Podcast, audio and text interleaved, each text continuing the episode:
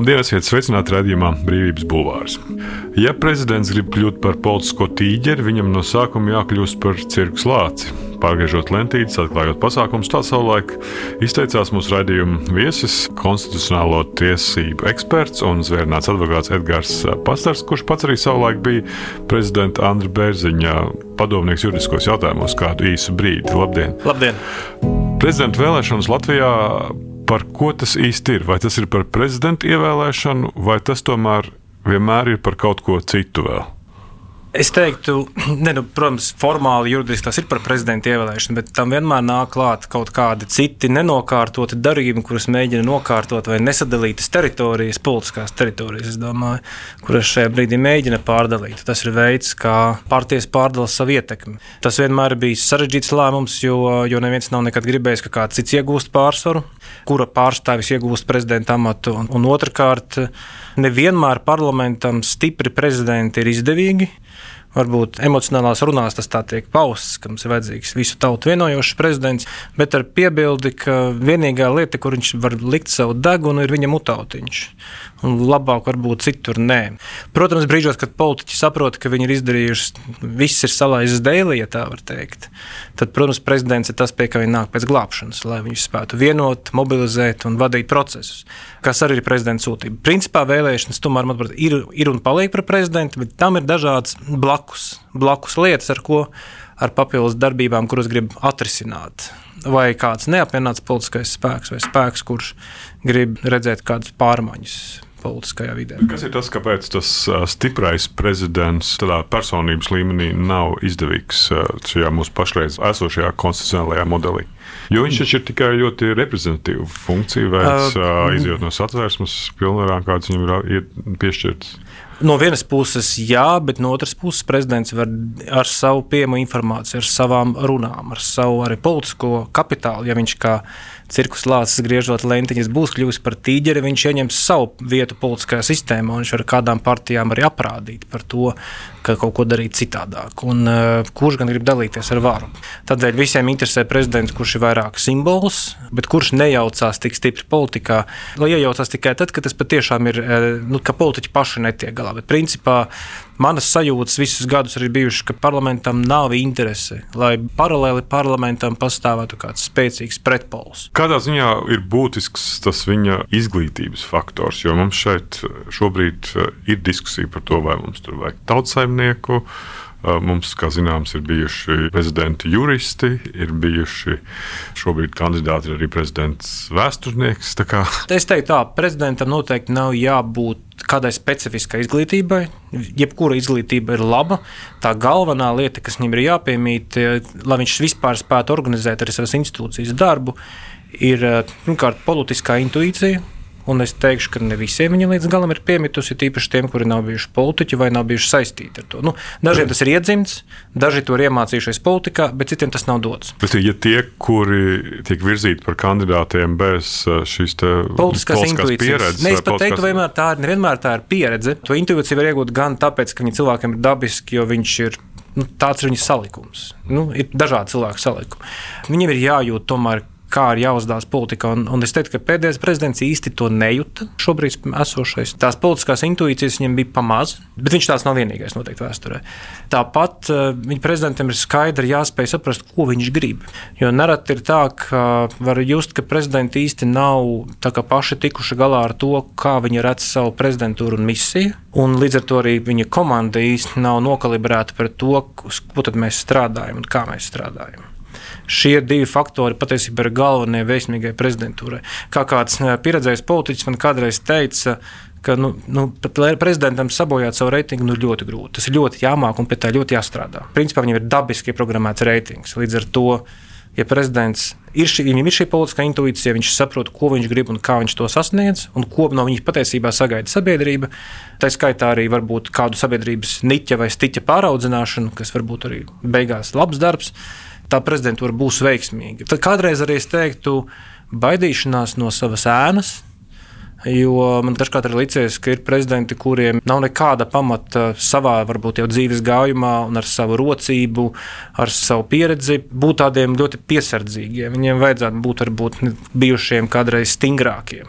drosmīgākiem savos lēmumos. Tas arī kādreiz pietrūkst. Es nedomāju, ka es, man ir tāda kādreiz sajūta radusies, ka ir prezidenti, kuri savu misiju ir apzinājušies tikai pēc tam, ka viņi vairāk nav prezidenti.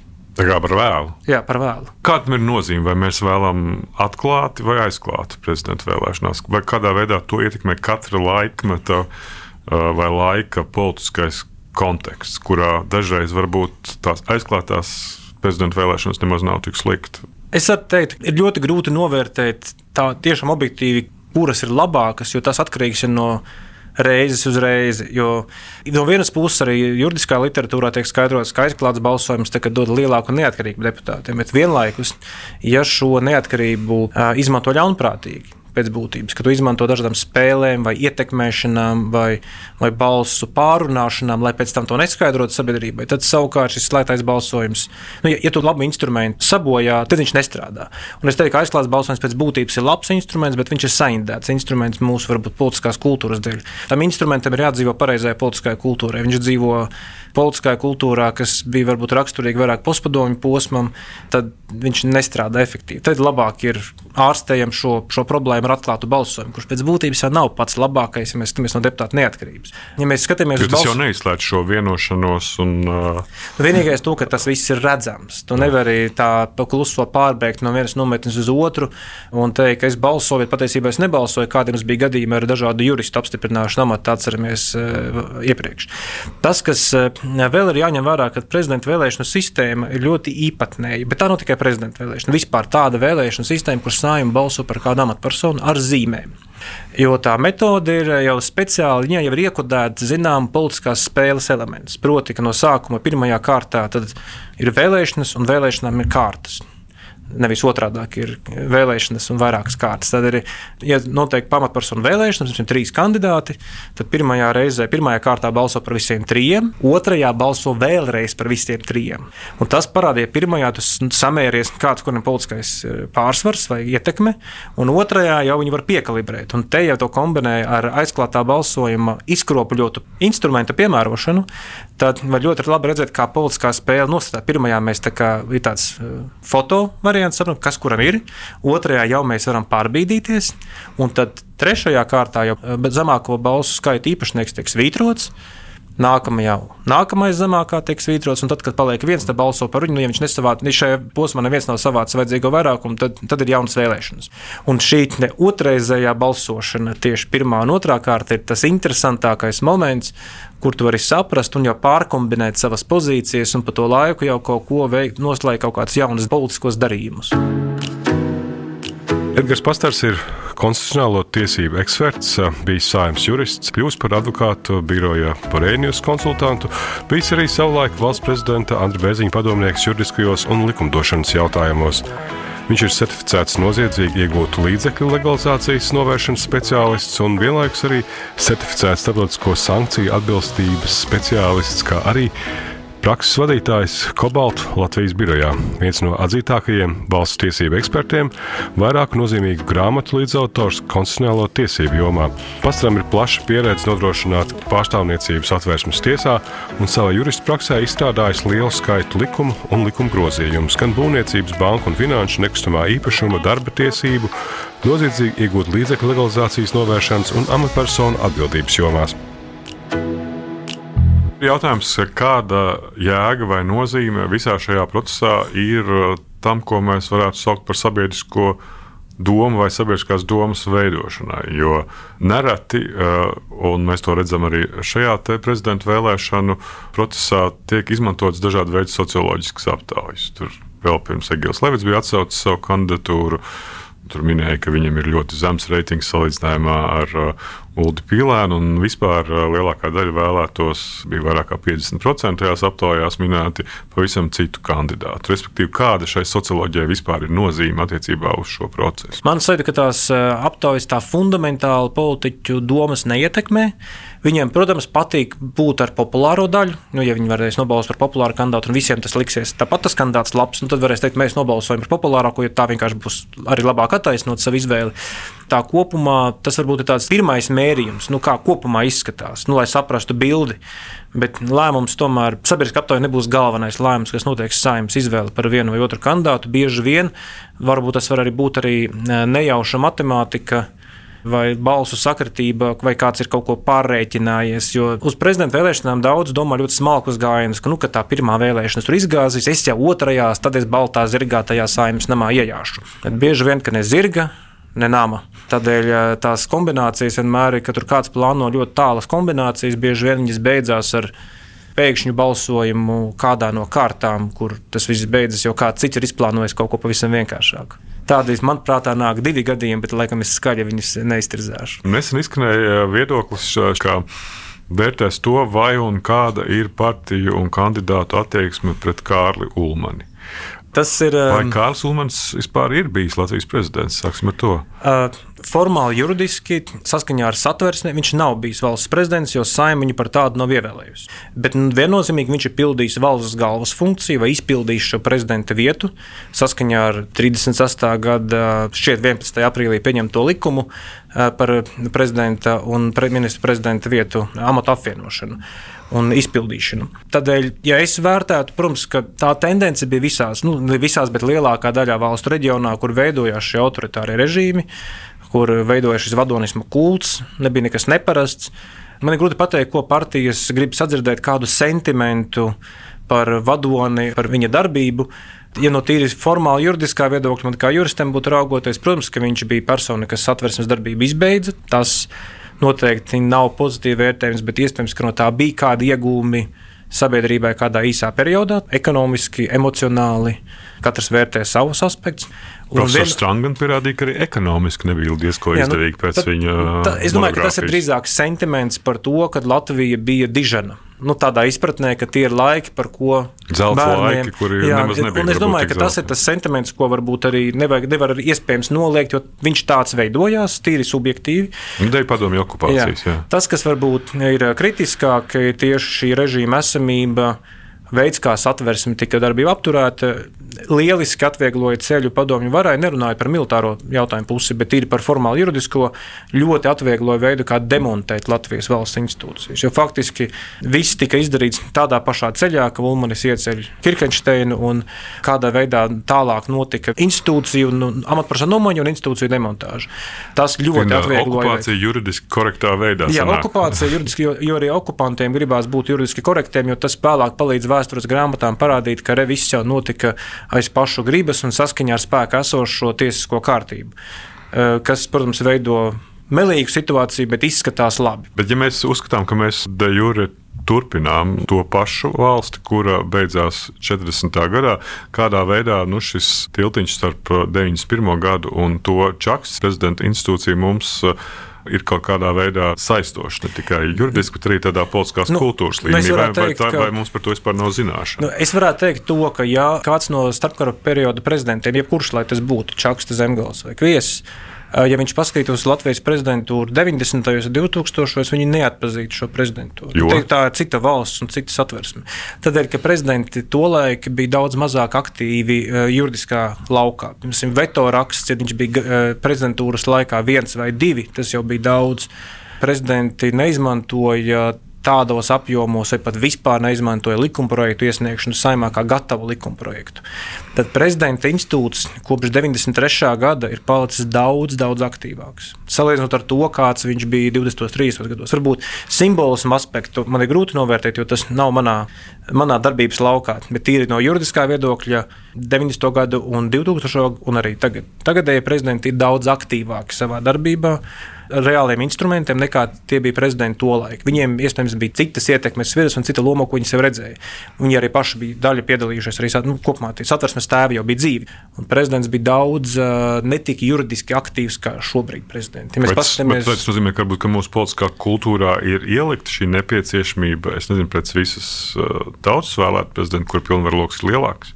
Pirms mēs ejam pie šī jautājuma, mēs apstāsimies pie starposma arī gan valsts prezidenta konstitucionāla tiesību komisijas, kuru savulaik vadīja Levita kungs.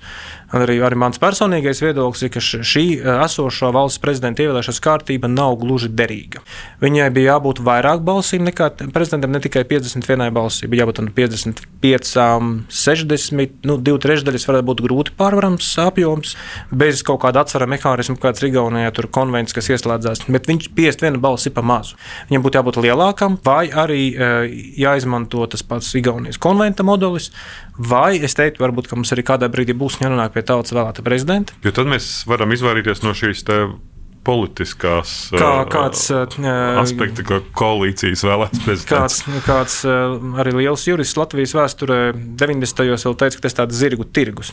Un lielā mērā tas varbūt to mazinātu. Jautājums vienmēr ir par to, ko mēs vēlot prezidentu sagaidīsim. Nu, viņa, mēs viņu sagaidīsim lielākas pensijas un lielākas algas, vai mēs saprotam, ka mēs ievēlam tādu kā simbolisku figūru figūru, kura pieskatīs parlamentu un disciplinēs politiķus. Bet nu, mēs noteikti nedrīkstam ievēlēt pilnīgu vai veidot institūciju, tā var teikt, kas ir pilnīgs pretstats parlamentam ar stiprām izpildvaras funkcijām. Tad mums būs konflikts starp parlamentu un prezidentu kuri abi atsauksies uz, uz tautas mandātu. Mums jāveido tomēr tā, lai šīs institūcijas daudz vairāk miedarbojas.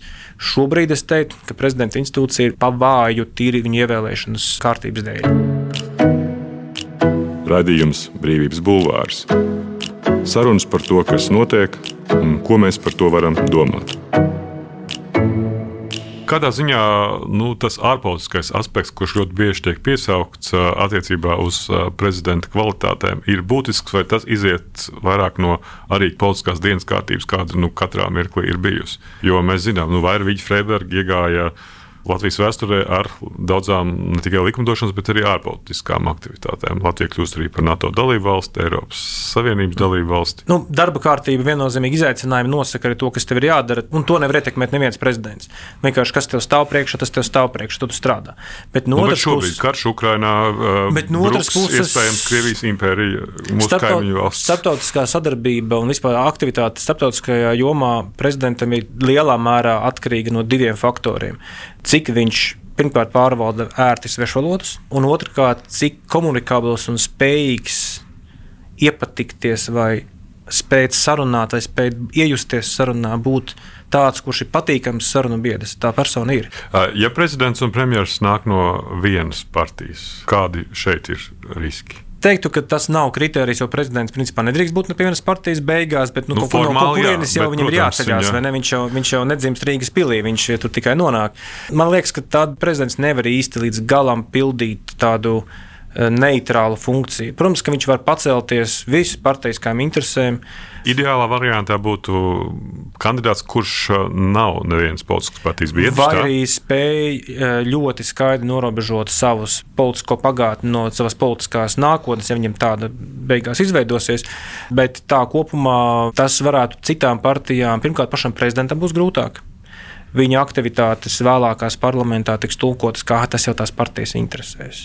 Lai efektīvi pildītu prezidenta pienākumus, persona, kur ir bijusi partijā, viņiem nāksies distancēties no iepriekšējās partijas, iespējams, pat ar kādiem īpaši agresīviem soļiem, lai to pierādītu. Un radīt šo aizdomu plīvuru prezidenta institūts ne, nefunkcionēs. Un pats prezidents ar to savu politisko nākotni arī būs pabeidzis e, četru gadu termiņā. Ja atgriežamies vēl pie tā jautājuma par e, šo procesu, kurā notiek prezidenta ievēlēšana, es atradu tādu Ivaru Iebu, kurš tolaik vēl bija politologs, nu, tēzi Šie, kas bija pirms Vējoņa kunga vēlēšanām, kur viņš teica, ka mēs redzam daudzas pazīmes, ka šajā procesā nu, mēs atgriežamies tādos 90. gados, kad arī bija liela partiju jēzga, staigāšana, intrigas. Partijas domāja par to, kas notiks, nu, kad šis prezidents nominēs vienu vai otru premjera kandidātu. Respektīvi, vai mēs šobrīd, pēc nu, astoņiem gadiem, varam teikt, ka šie 90. turpinās vai no jauna atzīst ar kaut kādām līdzīgām kvalitātēm? Es varbūt varbūt nevilku tādu paralēli ar 90. Es teiktu, tā, protams, ja partijas vēl prezidentu tikai izējot no tā, kurš būs premjerministra kandidāts, tad man ir žēl par šīm partijām. Tad viņas patiesībā nodod valsts intereses. Tad tā nav valstiska domāšana.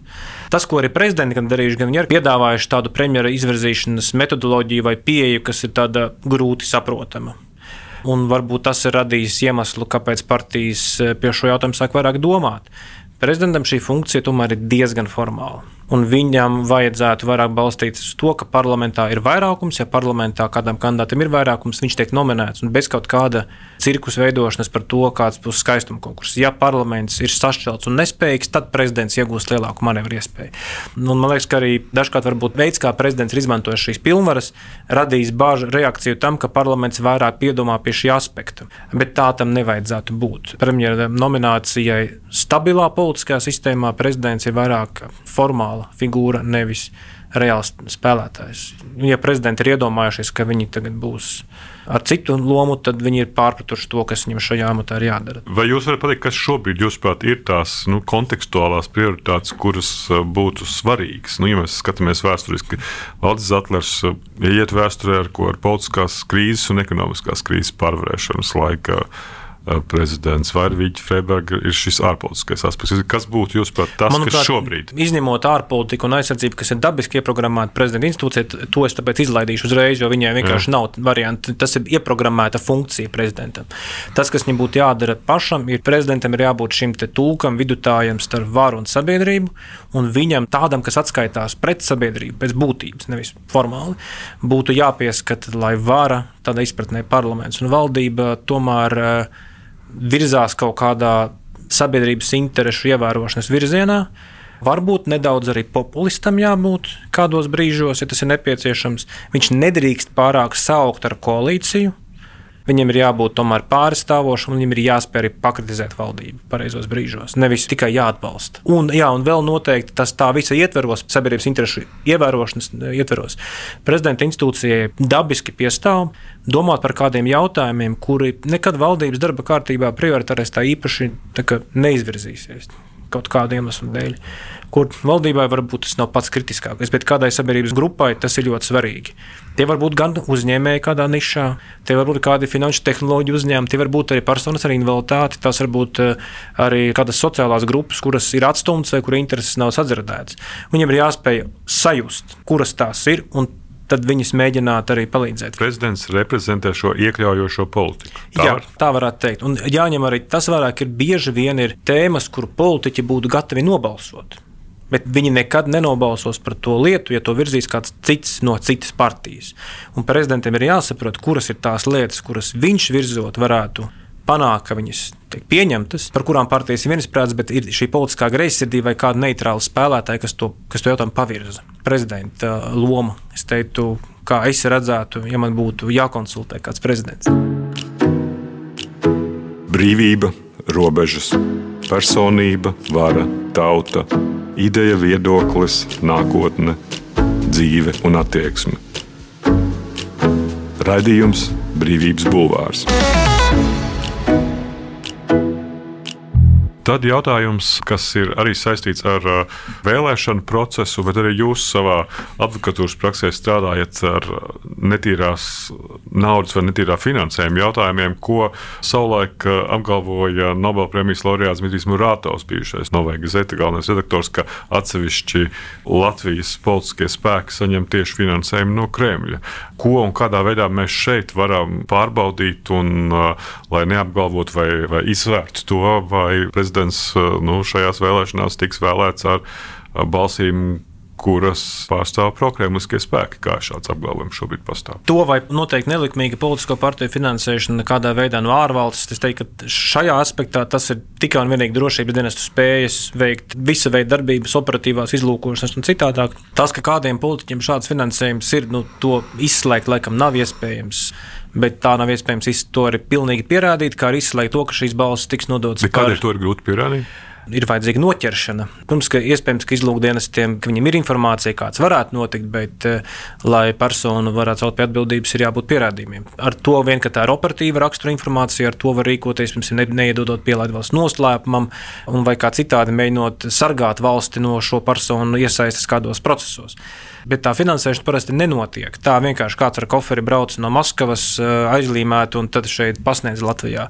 Ja tas tā notiek, tas parasti ir korupcija, klasiska korupcija, kurā caur ko arī šie finansējumi netiešā veidā tiek darīti pieejami. Vienīgais, kas ir, ir neiecietīga cīņa tieša cīņa pret korupciju un nodokļu nemaksāšanu, kuras apjomi netīrās naudas ziņā gadā sasniedz miljardus. Un, ja šo naudu, protams, kāds grib arī atmazgāt un kaut kur arī lietot. Protams, noteikti, ka šī naudas daļa ir svarīga arī tam, lai aiziet arī valsts amatpersonu kukuļiem. Visdažādākajos līmeņos, jo korupcijas līmenis mums ir un nodokļu nemaksāšanas rezultātā legalizēto līdzekļu apjoms ir miljardos, tad mēs varam saprast, ka tā neatkarība ir apdraudēta šajā ziņā. Un tā finansēšana noteikti pastiprināta caur citiem veidiem. Redzot, kādas schēmas parasti pastāv nodokļu līdzekļu legalizācijas jomā, tas būtu mans minējums un pieņēmums, ka tas notiek drusku citādāk, nevis ar spiegu cienīgu stāstu vilcienā uz robežas veicot koferu apmaiņu. Nu, tā tas nenotiek. Mm.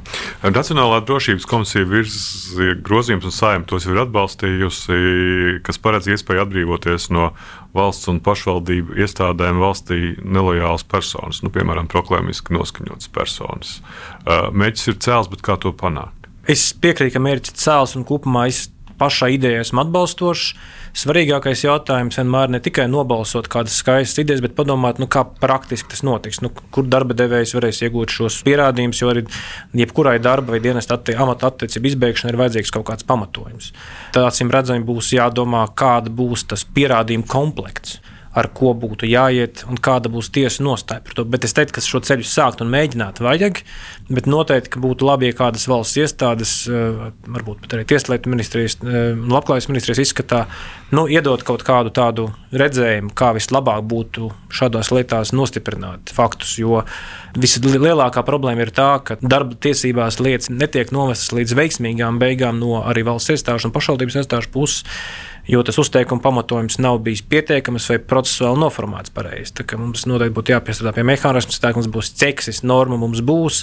Nu, bet tas pats bet, mehānisms, kas ir pielaida valsts noslēpumu, vai tas būtu izmantojams? Tas tomēr ir drusku citādāks. Tur šādā reizē to nevarēs izmantot. Tur ir ierobežotāka pārsūdzības kārtība, balstās uz aizdomām, nodarbinātības attiecībās tikai uz to vien, ka man ir aizdomas, ka persona nav gluži lojāla ar to vien nevarēs pamatot. Teikam, tā valsts rīcības brīvības līmenis valsts noslēpumā ir daudz lielāks nekā viņš būtu klasiskās nodarbinātības attiecībās, kur šis valsts drošības elements nav tik liels. Tādēļ veids, kā savākt un pierādīt šo nostāju, būs tāds varbūt svarīgākais. Nu, personas sociālo tīklu aktivitāte, kad kaut ko darba devējs īstenībā nedrīkst monitorēt. Jautājums, vai viņš tagad to drīkstēs darīt, jautājums, vai iestādēm tiks doti pietiekami ieroči, lai viņi varētu šos, šos pierādījumus iegūt nostiprināt, tālāk jau prasa no viņus izmantot. Es kaut kā esmu nedaudz skeptisks par to, bet ideja man kā, kā tāda kopumā liekas pareiza. Bet, nu, kā viņi piemērosies, es esmu drīzāk skeptiķis nekā attiecībā uz deputātiem. Jo mēs ilgstoši nu, skatījāmies, kā Tatjana Ždanoka pārstāvēja Latviju Eiropas parlamentā. Nu, uz deputātiem mums ir skaidrs konstitucionāli tiesisks reglaments specifiski šim amatam.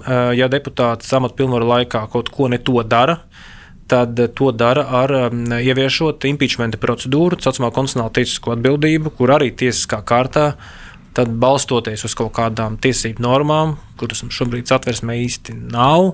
Bet mums tāda precedenta nav bijis līdz šim. Nav un īstenībā arī nevarētu būt. Mums neviens regulējums to neparedz šādā veidā. Satversmes līmenī vērtējot tā saucamo deputātu impeachmentu, kas ir uh, konstitucionāla tiesiska atbildība vēlētāja amatpersonai. Viņi nevar tā vienkārši atņemt mandātu par to, ka viņš tur ne to parunāja to satversme neparedz. Pat ja viņam ir eh, pilnīgi putra galvā, eh, ar to vien nepietiek, lai šo deputātu viņam liektu mandātu. Viņš var pārstāvēt arī tādus pašus cilvēkus, kuriem ir tāda pati putra galvā. Vai tas šobrīd Jā. būtu jāmaina? Nu, es vērā... kopumā esmu atbalstošs tam, ka mums būtu jādomā par deputātu konstitucionāla tiesiskās atbildības instrumentu parlamentā. Šķiet, ka Lietuvā vismaz vēsturiski viņš 90. gados neesmu pārbaudījis pēdējos, varbūt 15 gadus, vai viņš joprojām pastāv tāds ir. Bet tas ir juridisks process, tas nav politisks balsojums. Jo daudz dotu mandātu pārējie deputāti tā kopā sanākot, teikt, nu, tev nebūs. Tā vienkārši nevar atņemt. Tur ir regulējums, kā to darīt. Paldies. Tas bija Edgars Pastars, konstitucionālo tiesību eksperts un zvērināts advokāts. Mans vārds Gins Grūba radījumu ierakstīja Toms Šits un Montēja Normīts. Paldies! Paldies! Brīvība ir brīvība. Nevienlīdzība vai taisnīgums, vai kultūra vai cilvēks laime Tā teica Iesai Berlīns. Sarunas ar brīvas apziņas un ideju cilvēkiem raidījumā Brīvības Bulvārs.